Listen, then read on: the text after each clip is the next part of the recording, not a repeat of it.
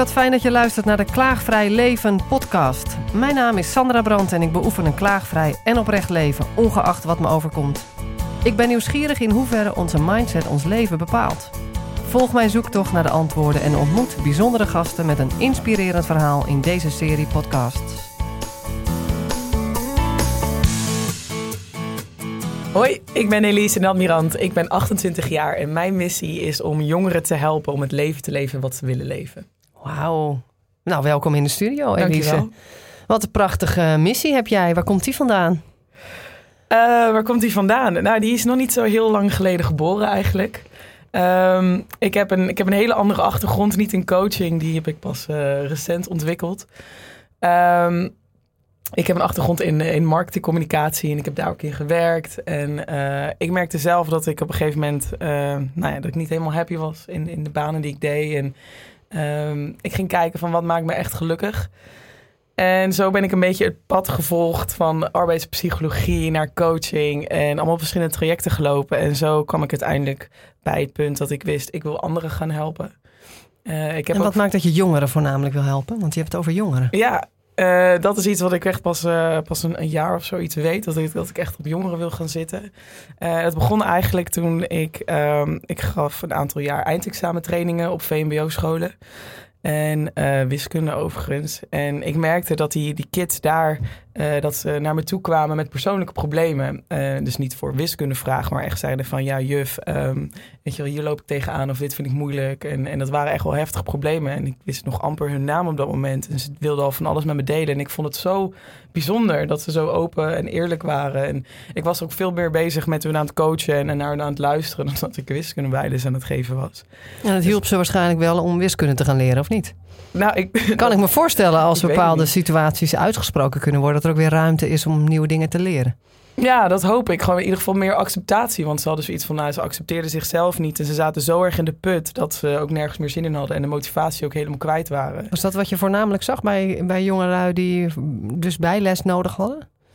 Nou ja, ja ze, ze hadden er ook geen zin in. Ze geloofden niet dat ze iets zouden gaan worden. Eh, dat werd ze ook verteld. En eh, dat vond ik heel erg heftig om te horen. En daarnaast waren er dus heel veel persoonlijke problemen... waarvan ze dachten van, nou, laat allemaal maar.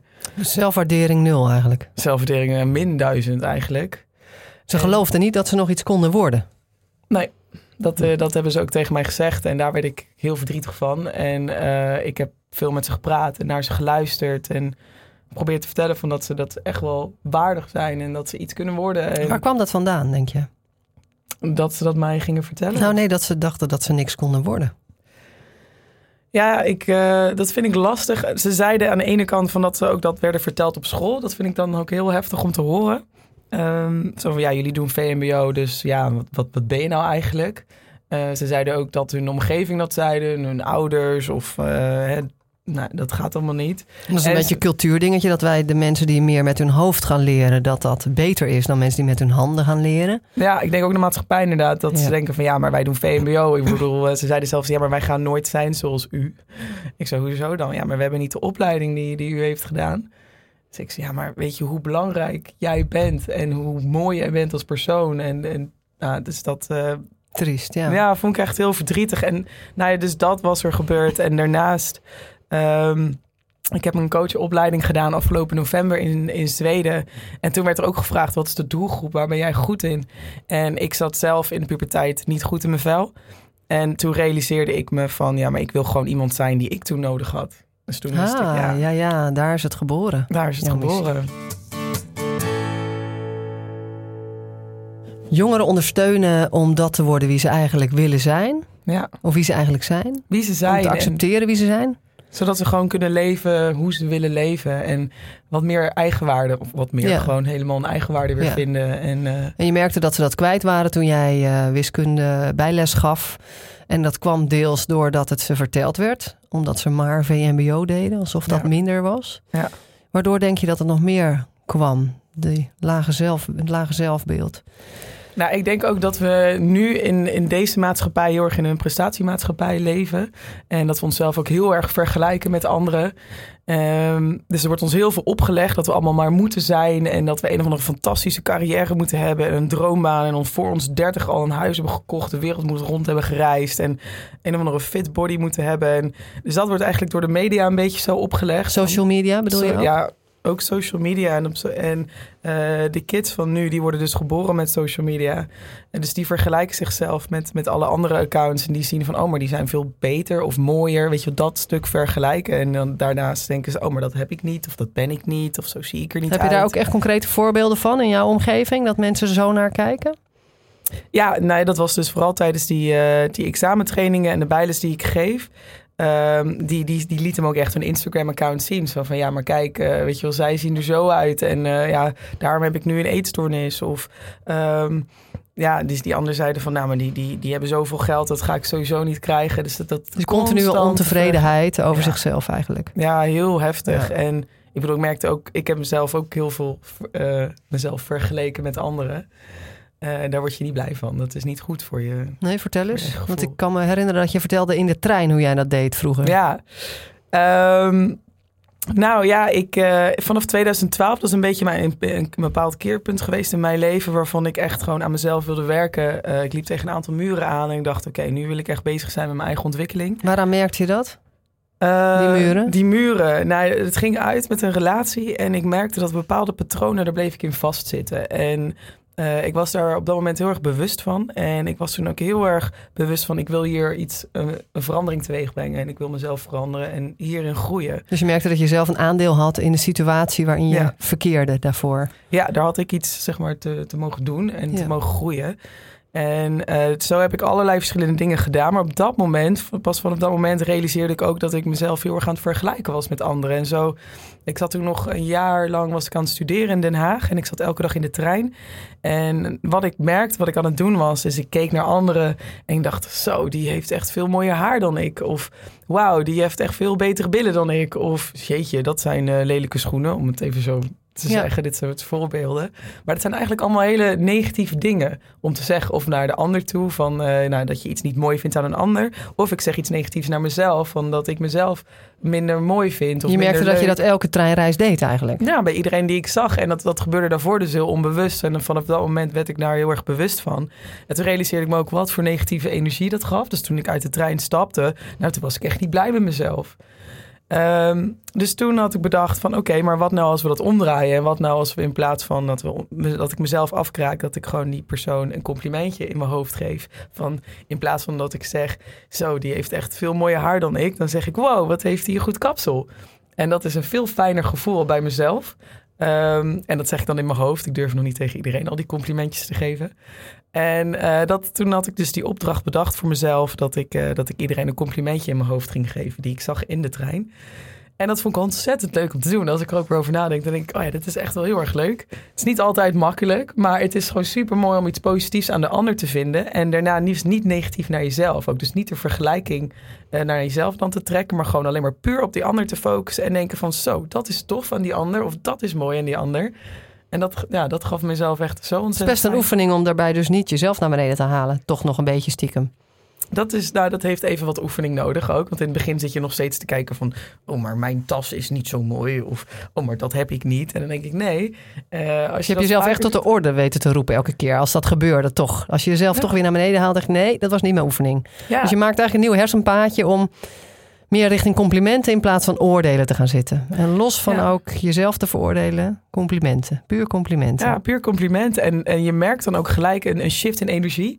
Want het geeft jezelf zo'n enorme positieve energie. En heel soms ging ik dan ook wel zeggen hoor. En dat, dat doe ik nu nog steeds. Dat vind ik hartstikke leuk om te doen. Als ik sta bij, bij de, de Albert Heijn, de kassa. Als ik dan de cashier iemand zie. En dan zeg ik, nou, wat heb jij tof oorbellen of zo. Soms verwachten mensen het ook niet. Maar het is, Nee. dat is zo fijn om te doen. En, Mensen zijn verrast als je complimenten geeft. ja, maar Ja. het is ook oprecht. En Ja. ik meen dan ook oprecht van, eh, weet je, als, als ik dat complimentje geef. En voor mij is het nog wel soms de uitdaging, want dan sta ik op het station. En als die deuren dan van de trein openen. en dan komen al die mensen eruit om dan iedereen een complimentje in mijn hoofd te geven. Dan, dan is het echt wel even, oh, challenge. Dat vind ik wel heel erg leuk. En ik, ja, ik merk hoeveel, wat voor verschil het in energie in mezelf geeft. En ook hoeveel minder ik aan het oordelen ben. Nu ook. En dit, dit doe ik dus Een soort al- gewoonte geworden eigenlijk. Nou. Sinds 2012 ben je daarmee begonnen. Ja, ik zit niet zo heel veel meer in de trein. Maar ehm, het is er wel in. Het, het zit wel nu in me. En ook om niet meer anderen te oordelen. En dat is wel heel fijn. Goed, dus sinds 2012 heb jij andere keuzes gemaakt. Je hebt gezien nadat je privématig wel heftige dingen tegenkwam. Van hé, hey, hier zit ook een patroon in van mezelf. Dat wil ik doorbreken. Ik wil, eh, wil zelf iets gaan veranderen. Wat kan ik daaraan doen? En daarin kwam dit als idee. Van dus laat ik nou stoppen met oordelen over anderen, maar ook over mezelf. En starten met complimenten uitdelen. Je, je liep eerst doodmoe eigenlijk de trein uit van al dat oordelen. En nou, niet happy. En vervolgens, hoe liep jij de trein uit na het Ja, compliment met een, met een oefening? big smile eigenlijk. Ja. Want ik had iedereen, had ik, had ik iets moois gewenst of eh, had ik iets moois bij bedacht. En nou, dat voelde zo ontzettend goed. Volgens mij is het ook heel leuk voor mensen om, om met jou dan in de trein te zitten. Ik, ik kan me voorstellen dat het iets doet met jouw energie. Nou ja, ik denk dat ik wel veel aan het glimlachen was in de Ja. trein. En dan mensen dat soms ook wel zagen. Dus ik zat er wel stralend. En oh, wat een leuke sokken, dacht ik dan soms bij de ene. Of eh, jeetje, waar kan je die oorbellen kopen? Wat staat dat goed bij die mevrouw? Of nou, die zit er helemaal gematcht. Ja, dat is, het is zo heel erg. Je moet het eens proberen. Het is echt En in de file, hoe doe je dat? Ja, dat, oh, ik vind het in de file ook zo grappig. Want de meeste mensen die zijn dus ontzettend zagrijnig in die file. En ik snap het ook wel. Je hebt een afspraak of je moet op werk komen. Maar je hebt er geen controle over. En zodra je realiseert dat je geen controle hebt over een situatie... moet je dat ook gewoon eigenlijk loslaten. Dus ik zit daar heel vaak gewoon keihard mee te zingen met de muziek. Ik kan overigens niet zingen, maar dat hoort gelukkig niemand. En dan gewoon keihard lachen ook om je heen. En dus iedereen die zit dan echt een beetje van... Zo mopperen voor zich uit te kijken. En als ze dan opzij kijken en dan zien ze zo'n... Nou, gewoon een blij iemand een beetje mee te zingen met de muziek. Dat is vaak of ze zijn verrast of ze lachen terug. Dan word ik, dat vind ik helemaal tof. Of ze kijken nog zo gereiniger vooruit en die denken... Nou, die, die is niet helemaal goed. Maar eh, ja, het mooiste vind ik altijd als mensen dan toch wel teruglachen. Want dan heb ik een soort van missie. En eh, dan heb ik de anderen aan het lachen gekregen. Mooi. Ja. Wauw. Even terug naar jouw eh, missie om jongeren weer meer zelfwaardering te geven. Ja. Met social media wordt het wat lastig, want het vergelijken is de hele tijd maar gaande. Ik Ja. heb nu social media een aantal weken van mijn telefoon gehaald. Dat scheelt al enorm. Maar het, het eh, heeft wat eh, tijd nodig om die stap te maken op de een of andere gekke manier. Het is toch ook je, je sociale wereld, lijkt het? Ja, en ik denk ook de, de fear of missing out. Ik denk dat dat een grote rol speelt. Helemaal voor jongeren denk ik dan. Want ja, wat mis je dan Erbij allemaal, willen hè? horen, erbij moeten horen. Wat gebeurt er als ik er niet meer bij hoor? Ja, word je dan niet uitgenodigd? Word je dan niet meer gezien? Of ben je dan niet meer part of the group? Je wil ergens bij horen wat je zegt. En Ja. ehm, ja, je mist gewoon dingen dan. En mensen Ja. kijken misschien niet meer naar je. En ik denk als je jong bent, ben je zo gevoelig ervoor. Je bent zo gevoelig nog voor je plekje in deze wereld. En bij wie hoor je? Wie zijn jouw groepje mensen? En wie ben je? En wie mag je zijn? En ja, dan hoort social media er echt wel heel sterk bij. Bij je eigen waarden, denk ik. Ja. Ja, je kan je afvragen of Ja. dat wel eh, terecht is, zeg maar. Of het wel reëel is om dat te denken. Dat het Nou, bij je hoort, dat het moet. Dat, je er niet. afhankelijk van bent. Dat je het nodig hebt. Hey, even terug naar jouw eh, puberteit. Die was dan niet zo tof. Eh, Nee. Jij zegt van daar had ik eigenlijk iemand nodig. En ik wil nu diegene zijn die ik toen nodig had. Wat, Ja. wat, wat, hebben, wat hebben pubers nodig? Wat hebben pubers nodig? Die niet Dat zo lekker in hun vel zitten. Wat, wat had jij nodig? Wie, wat voor iemand had jij nodig? Wat voor iemand had ik nodig? Nou, ik had iemand nodig die, die echt naar mij kon luisteren. Ehm, en, dan, en dan niet een psycholoog. Daar ben ik uiteindelijk ook geweest. En, maar daar was ik op dat moment ook niet klaar voor. Op dat moment voelde ik me ook een soort meer als patiënt. Wat ik helemaal niet wilde. Maar iemand die mij echt zag. Echt zag van... Oké, hey, de- die zit niet zo lekker in de vel. Die is verdrietig. Die vooral eenzaamheid. Eh, ik voelde me er niet bij. eh, of ik hoorde er niet bij. Ik voelde me vervreemd. En dat kwam door verschillende verhuizingen ook. En Ehm, ik kon dat niet heel goed uit en ik wist niet wat ik moest zeggen. En eh, ik kon het ook niet kwijt bij mijn ouders of bij de juf of bij mijn vrienden. Dus ik had iemand nodig die, die mij wel echt zag. Die mijn onzichtbare tranen zeg maar zag en mijn, mijn stille gegil kon horen. En die gewoon op een hele toegankelijke, toegankelijke en fijne manier gewoon met mij kon praten. En me kon uitleggen van wel, hoe, waarom ik me zo voelde. En, en mijn handvaten kon geven van hoe ik me beter zou kunnen voelen. En meer grip kon krijgen op wat er, wat er aan het spelen was. En dan ook ja, het liefst met een beetje humor. Daar geloof ik namelijk heilig in. En het hoeft niet allemaal zo serieus. Want Nee. het leven is al zo serieus. Ehm, Jongeren hebben met name nodig dat ze gezien worden. Nou ja, volwassenen ook. Maar eventjes Ja. gericht op jongeren. Ja. Die niet zo lekker in vel zitten. Die wat lagere zelfwaarde hebben. ja. Eh, maar als een buitenkant dat niet laat zien. Wat jij ook zei, van ja, het waren stille tranen.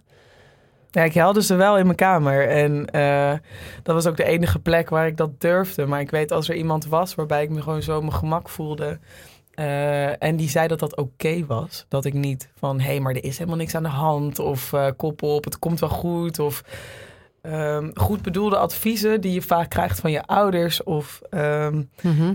gewoon iemand die zei van, nee, maar het is gewoon allemaal even kut. En Ja. het is gewoon allemaal even niet zo leuk. En eh, die, die Het ook mag er zijn. het mag er zijn. Ja. En dat gevoel, dat, dat miste ik heel erg. Ja, en dat wil jij zijn voor jongeren. Ja. En wat levert dat op?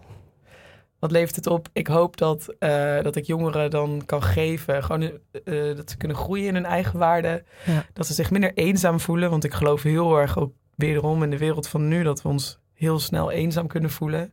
De wereld is heel individualistisch en zo erg gefocust op wat je moet gaan worden en zijn. In plaats van Wat er nu al is. wat er nu al is. En En wie je nu al bent. ja, precies. En dat het ook niet allemaal alleen hoeft. En eenzaamheid komt ook vaak voort uit een stukje schaamte, denk ik. Of dat zit er ergens hand in hand. Hoe zie jij dat? Ja, ik geloof wel omdat je bepaalde dingen niet durft te uiten. Nee, precies. En daar is denk ik wat jij refereert naar, naar schaamte. Voor mij was het ook. Ik, eh, ik dacht van ja, weet je wel, maar wat, wat heb ik te zeuren of te klagen? Ik heb, eh, ik heb een goed huis, ik ga naar een prima school, eh, ik, ik zit op hockey, ik heb, ik heb vrienden, ik heb een hele fijne familie. Waarom voel ik me dan gewoon zo Eigenlijk slecht? een criticus in je hoofd die zegt, je moet niet zo zeuren. Je moet niet zeuren, nee. Je moet toch blij zijn met wat je hebt. Maar eigenlijk niet erkende hoe je je voelde. En daardoor durfde jij ook niet vanuit die schaamte naar een docent of naar goede vrienden. Want je had wel vrienden. Ja, nee, dat durfde ik echt niet. En dat Nee. opkroppen, dat, eh, eh, nou, dat is helemaal niet goed. Want dan Nee. blijft het allemaal zo erg in je. Wordt En- eigenlijk groter dan het nodig is. Veel groter, ja. Ja. Dus daar Hoe heb ik kunnen we dat met elkaar doorbreken ook? Hè? Niet alleen naar jongeren, maar ook als volwassenen onder elkaar. Hè? Want ik zie dat de ook wel. Ja, en de eenzaamheid. Ik denk door er meer over te praten. Ik denk dat het echt wel een hele goede Vanuit jezelf. Vanuit jezelf en dan ook elkaar omarmen. Ehm, dus van nee, je hoeft het niet alleen te doen, maar geef elkaar een knuffel. Ja. En zeg van ja, nee, het mag er ook gewoon zijn. In plaats van, joh, het komt allemaal wel goed. Wat ook oprecht, ik- weet je, ik geloof ik dat dat goed bedoeld is. Maar laat ook even gewoon het moment er zijn van dat het even niet zo goed gaat. Nou ja, en misschien daarmee zelf te starten in een verhaal. Als je met iemand gaat eten of wat drinken, Ja. een vriend of vriendin die je vertrouwt. Dat je vertelt dat je eigenlijk iets kwijt wil- over hoe je de laatste tijd voelt. En dat je het liefst even wil dat de ander alleen luistert naar je. Dat kun je ook vragen, hè? Jazeker, dat Dan vinden sommige je- mensen denk ik heel moeilijk. Ja, dan voorkom je ook al. Nou, en misschien, voor wie is dat moeilijk? Ik denk, mensen voelen zich eh, misschien kwetsbaar als ze dingen delen. Want Ja, je, de ander kan een oordeel hebben. hè. En op dat moment deel je iets wat, wat je moeilijk vindt en wat Ja. je niet zo fijn vindt. En als iemand anders tegen jou dan gaat zeggen... ah joh, dat is helemaal niet zo eh, belangrijk of iets. Ja, dat, dat doet dan echt pijn. Dus ik denk dat heel veel mensen dit moeilijk vinden. En dan is het juist een handig idee om al vooraf te zeggen dat je het moeilijk vindt om te delen. En wat je daarbij nodig Precies. hebt. Dat iemand gewoon even alleen maar naar je luistert. In plaats van te zeggen, joh, het komt wel goed. Ja. En daarmee maak je het de ander, de luisteraar, ook makkelijker. Want die weet wat nodig is. Dat denk jou. ik ook, ja. En, En daarmee open je ook een deur voor de ander om zijn verhaal te doen misschien. Dat denk ik zeker. En, en voor mij, ehm, omdat ik zelf nou, ervaringsdeskundige, dat vind ik dan weer een heel chic woord. Maar gewoon, ik weet gewoon hoe het is om, eh, om je shit te voelen. Denk ik dat ik daardoor ook gewoon die jongeren kan helpen. Gewoon om door ook te zeggen van ja, maar ik heb me ook gewoon kloten gevoeld. Dus ik snap, ik snap je. En dat geeft al zo'n betere ingang. En ik vind zelf niet... eh, ik heb ik, overigens heel lang aan mezelf gewerkt en, en verschillende dingen en alles gedaan. Dus ik kan heel erg goed over mezelf praten. En dan merk ik, ja, als ik, als ik daar de behoefte naartoe voel... dan merk ik dat mensen heel snel open naar mij toe zijn. En dat vind ik zo ontzettend mooi om te zien. Oké, dus als we met elkaar op missie gaan, luisteraars en wij, eh, om eh, meer openheid te geven, de schaamte te doorbreken en ja, meer contact te maken met elkaar, dus uit die eenzaamheid te komen, dan kunnen we ook bij onszelf beginnen en bij iemand waar we ons prettig bij voelen, te denken, ik ga hier eens eventjes vertellen hoe ik me voel en daarbij te vragen wat je nodig hebt van haar of hem als luisteraar. Dus gewoon even te luisteren, ik vind het lastig. Zo heb ik dat een tijdje geleden gedaan, een jaar geleden bij een vriendin. Dat ik haar eigenlijk mijn verhaal wilde vertellen. Ik voelde me toen niet fijn, die periode. Ehm, en dat ik ook even mijn hele verhaal wilde doen. En ik dacht even, ja, maar kan ik dat wel vertrouwen? Houdt ze dat wel voor zich? En toen dacht ik, wat nou als ik daarvoor kies dat zij te vertrouwen is? En ik ga mijn verhaal doen. Het was even heel spannend. Ja. Uh, want ik heb al snel de criticus in mijn hoofd die zegt: uh, Nou, praat niet te veel, want de ander mag ook wel weer eens een keer. Maar ik heb daar echt gewoon om gevraagd of zij dat oké vond. Dat ik even mijn hele verhaal kon doen. Nou, goed. Waarna zij ook zei: Ik vind het heel fijn dat je mij in vertrouwen neemt. Ja.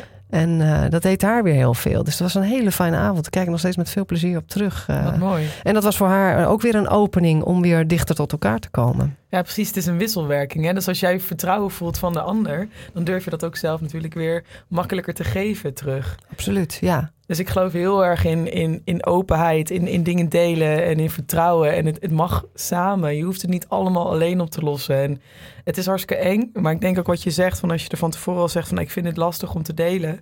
Dan vraag je eigenlijk al bij voorbaat van oordeel me niet. Nee, want dat is denk ik waar we bang voor zijn. Want we oordelen onszelf al heel erg in ons hoofd. Dat doen de meeste mensen.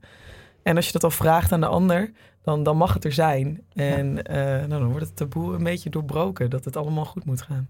En jij als jongere coach, je bent pas begonnen, toch? Met je eigen bedrijf. Wat, uh, wat is je bedrijfsnaam? Waar kunnen mensen je vinden? Op website misschien?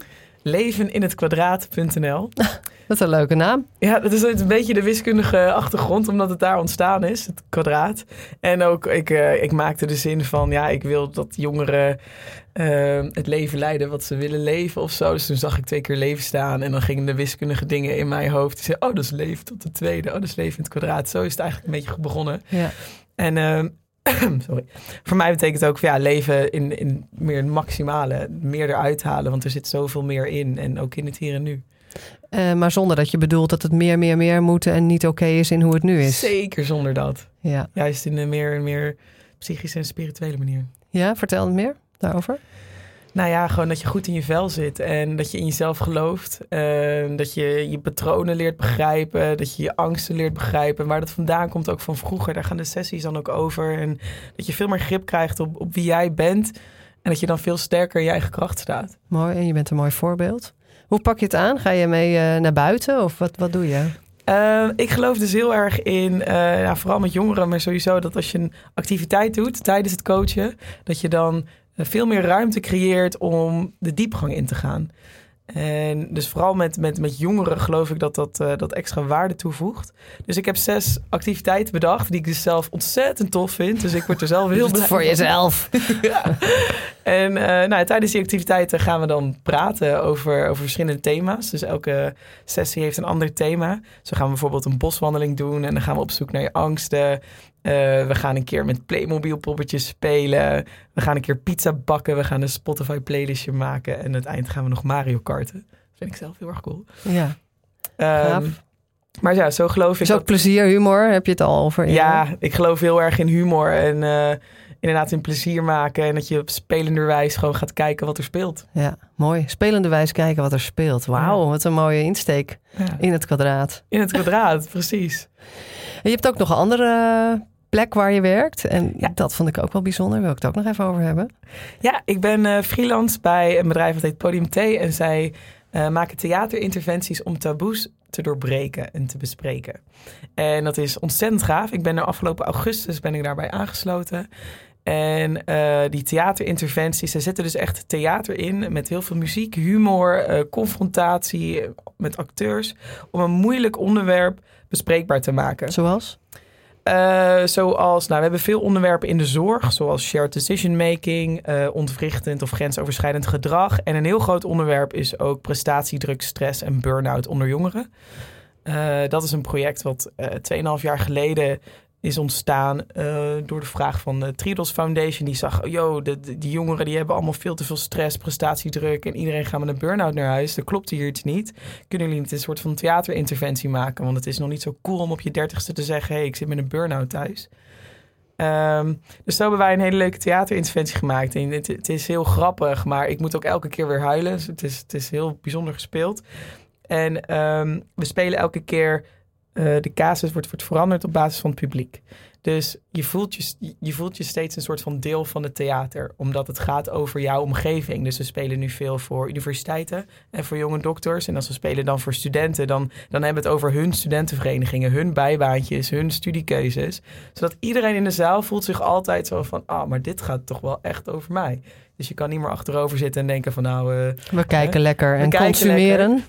Ja, Precies, dus dit, dan realiseer je, oh ja, dit gaat echt over jou. En het mooiste wat ik aan deze theaterinterventies vind, is de interactie die uiteindelijk ontstaat met het publiek. Dus dat hebben we al tijdens de theaterinterventies en daarna. En het is ontzettend mooi hoeveel openheid zo'n theaterinterventie creëert dan eigenlijk. En hoeveel mensen dan durven te zeggen. En dat ze dan opstaan van, oh ja, maar ik merk eigenlijk dat het dit over mij gaat. En dat ik hier ook wel last van heb. Maar iedereen om me heen doet het toch. Dus wat is er verkeerd met mij? En daar gaan we dan mee in gesprek. En, Mooi. Vanuit humor, vanuit plezier. Ook Ja. confrontatie op een theatrale manier is dan ja, makkelijker ik denk dat het veel makkelijker naar te kijken dan... eh, Ja, weet je, en je, mensen geven vaak lezingen of presentaties. En, en weet je, dat zijn allemaal hele mooie en belangrijke informatie en, en mooie goede dingen. Maar dan, dan trek je het publiek er minder bij. En dus dit is doen eigenlijk is- twee hersenhelften tegelijk gebruiken. Ja. de creatieve kant. Ja, precies. En eh, ja, die confrontatie en die humor, zeg maar, die combinatie, die, die werkt heel erg goed om, zodat mensen uiteindelijk op gaan staan in het publiek en zeggen, joh, maar wacht eens even. Zo denk ik erover. En wat dacht je van bedrijven dan? Als daar, want daar zitten toch ook wel eh, taboes misschien die mogen worden doorbroken. Daar zitten zeker taboes, dat geloof ik ook. En ik denk ook zeker nu met, met werkdruk en, met burn-out, dat daar heel veel te halen valt. Dus wij zijn nu zelf ook eh, veel meer voor het bedrijfsleven aan het spelen. Ze werken nu ook samen met bijvoorbeeld CNV Jongeren en Mind om echt gewoon psychisch welzijn, eh, om dat bespreekbaar te maken op de werkvloer. Ja, dus als je dat eh, ziet, dat is, dat is zo ontzettend belangrijk. En het is heel erg moeilijk om dat bespreekbaar te maken. Dus met een theaterinterventies is dat een hele goede ingang. Dus het openbreken en het openen van de, van de, van de cultuur. Ja, Dat psychisch welzijn, of je dat kan bespreken. Daar had ik een tijdje geleden een interview over. En degene die toen bij me zat, die zei ja, je moet niet alles vertellen. Het is gewoon je werk. En daar had ik een beetje mijn vraagtekens bij. Dat is ook zo. Aan de andere kant, ja, Ja, niet alles vertellen. Ik bedoel, dat geloof ik ergens ook wel. Maar ehm, ja, als er iets met je is, vind ik wel dat je dat moet kunnen uiten op de plek waar je werkt of, of waar, je, waar je leeft en woont. Eh, want die moeten goed voor je kunnen zorgen. En als jij daar goed wil kunnen functioneren, dan moet jouw werkgever dat weten. ja, precies. Dus jij pleit voor meer openheid, zeker als het over Zeker. eenzaamheid gaat. Maar eenzaamheid kan je ook voelen als je een bepaald onderwerp graag wil bespreken, maar je durft het niet en je loopt er alsmaar mee in je eigen hoofd. Dat eenzaamheid op heel veel verschillende plekken in je leven... En je hoeft er ook niet altijd wat mee natuurlijk. Maar als je merkt, ja, het, eh, het belemmert mijn functioneren. Ik word hier niet happy van. Ja. eh, ik zie geen vooruitgang erin. Ik kan er hulp bij gebruiken. Ja, precies. Dan, eh, En eh, ja, weet je, met, met stress en, en werkdruk, dat is ook nu iets wat, wat zo ontzettend meespeelt. En mensen voelen de druk van ik kan niet naar een andere baan of eh, ik moet maar blij zijn met wat ik heb. Want met al die flexibele contracten. net als jij toen je... hè, Voordat ik die switch maakte naar coaching, had ik, had ik daar zelf inderdaad ook last van. ja, en als ook als puber dat je dacht... ja, maar ik moet ook verder niet zo zeuren... want ik heb toch alles. Precies dat. Dat herkennen we allemaal waarschijnlijk wel. Ja. Waardoor je eigenlijk je echte gevoel... je echte behoefte totaal eh, opzij zet. Ja, En dat kan aan je- contact met ons eigen gevoel. Precies, en dat vreet. Dat vreet. Ja. En eh, ik denk dat we daardoor ook misschien wel overspannen raken. Omdat er gewoon zoveel gebeurt in ons. Wat we of negeren, geen aandacht aan geven. En dan proberen we te uiten door, door ons supergoed ons best te doen. Want hè, voor ons tien, tien anderen als we het niet goed genoeg doen. Want dat wordt ook nog ons verteld. Eh, en de studenten die helemaal, ja, die moeten zo ontzettend veel mooi cv hebben en diploma's. Willen zij überhaupt nog aan de bak kunnen? In ieder geval, dat is wat, wat ze mee te krijgen. Ja, dat geeft zo ontzettend veel spanning. Ja. Dus jij pleit voor eh, meer openheid wat betreft psychisch welzijn. Ja. Meer verbinding met elkaar. Ja. En dat vanuit humor, plezier. Nou, dat heb je wel heel goed verwoord. Ja, dat is precies wel waar ik voor sta. Ja, Ja. het echte contact. Het echte contact. En dat theaterinterventie, dat vertel je, dat kan je ook bij bedrijven doen. Ehm, En jij gebruikt Playmobil poppetjes bijvoorbeeld... om dat spelen meer in te brengen... en daar vanuit meer in gesprek te gaan. Ja. Ehm, ja, is er nog iets wat je hierin denkt... ja, hier zit de essentie, daar, daar hebben we nog iets in te doen met elkaar? Maar ook, ook tips voor thuis nog, bij wijze van spreken. Waar kunnen we nu al mee beginnen? Ja, dat is gewoon wederom eh, door te zeggen. Ja, Eh, door niet bang te zijn voor de oordelen en ook die, die kritische stem in je hoofd van het mag er zijn. En ik denk hoe meer mensen zich durven te openen en hoe meer ze ook voelen dat, dat eigenlijk heel veel mensen die willen ze gewoon wel een knuffel geven en die zijn er voor ze. En dat is echt stap één. Ja. Want stel ook, ehm, wij doen die theaterinterventies. Die mensen komen wel, wel vanuit die stappen af, omdat ze weten dat het niet zo goed gaat. En dan uiteindelijk durven ze dat ook tegen hun buurman te zeggen. Wij geven dan ook vaak van die kaartjes. Dan geven een soort truth or dare kaartjes, leggen we dan neer op die stoelen. En dan zeggen we ook, joh, zeg nu op dit moment tegen je buurman hoe je je echt voelt. Of hoe je de afgelopen maand, heb je je wel eens rot gevoeld. Zeg dat gewoon eens een keer hardop. Of tegen je moeder, of tegen je beste vriendin. Of zelfs, nou ja, begin met je hond als je het allemaal moeilijk vindt. Maar zeg het hardop, hé hey van vandaag voel ik me even gewoon niet zo goed. Ja, precies. Mooi. Ik zou zeggen, allemaal Elise bellen als je een beetje hulp kan gebruiken, of niet? Ja, nou doe. ja, nou je kan me dus... Uh, nou, de website is begin mei gaat hij live. Dus daar ben ik nog wat druk mee bezig. Maar als mensen wel nu al jou willen contacten, hoe doe je dat? Uh, nou, dat mag via, via social media. ik zit er nog wel op. Even je naam nog een keer, rustig. Elise den Admirant. Elise met een S en Admirant met een T aan het eind. Heel goed. Ja, goed. En Podium T? www.podiumt.nu. Daar kan je de, de verschillende theaterinterventies zien die we tot nu toe hebben gemaakt. We creëren dus ook steeds nieuwe. Als er dus een bedrijf of instelling naar ons toe komt en zegt: joh, we zien dit probleem onder onze werknemers of onze mensen die hier werken. Uh, kunnen jullie daar iets mee? Dus de, we staan ook altijd open om, uh, om nieuwe interventies te maken. Echt op maat, zodat men zich allemaal betrokken voelt en ook vanzelf ja. in gesprek gaat. Want daar gaat het jullie uiteindelijk om. Uiteindelijk gaat het inderdaad om het gesprek. En uh, we, we, we, kunnen het, wij lossen het niet op, maar een hele belangrijke stap één is de openheid en dat mensen erover gaan praten. Mooi. Dankjewel ja. voor je komst. Dankjewel, Sandra. ik vond het ontzettend leuk. Fijn, ik wens je heel veel plezier. En vooral met je eigen bedrijf ook, hè? Ja, ik heb er heel veel zin in. Mario Karten. Ja, ik ga winnen.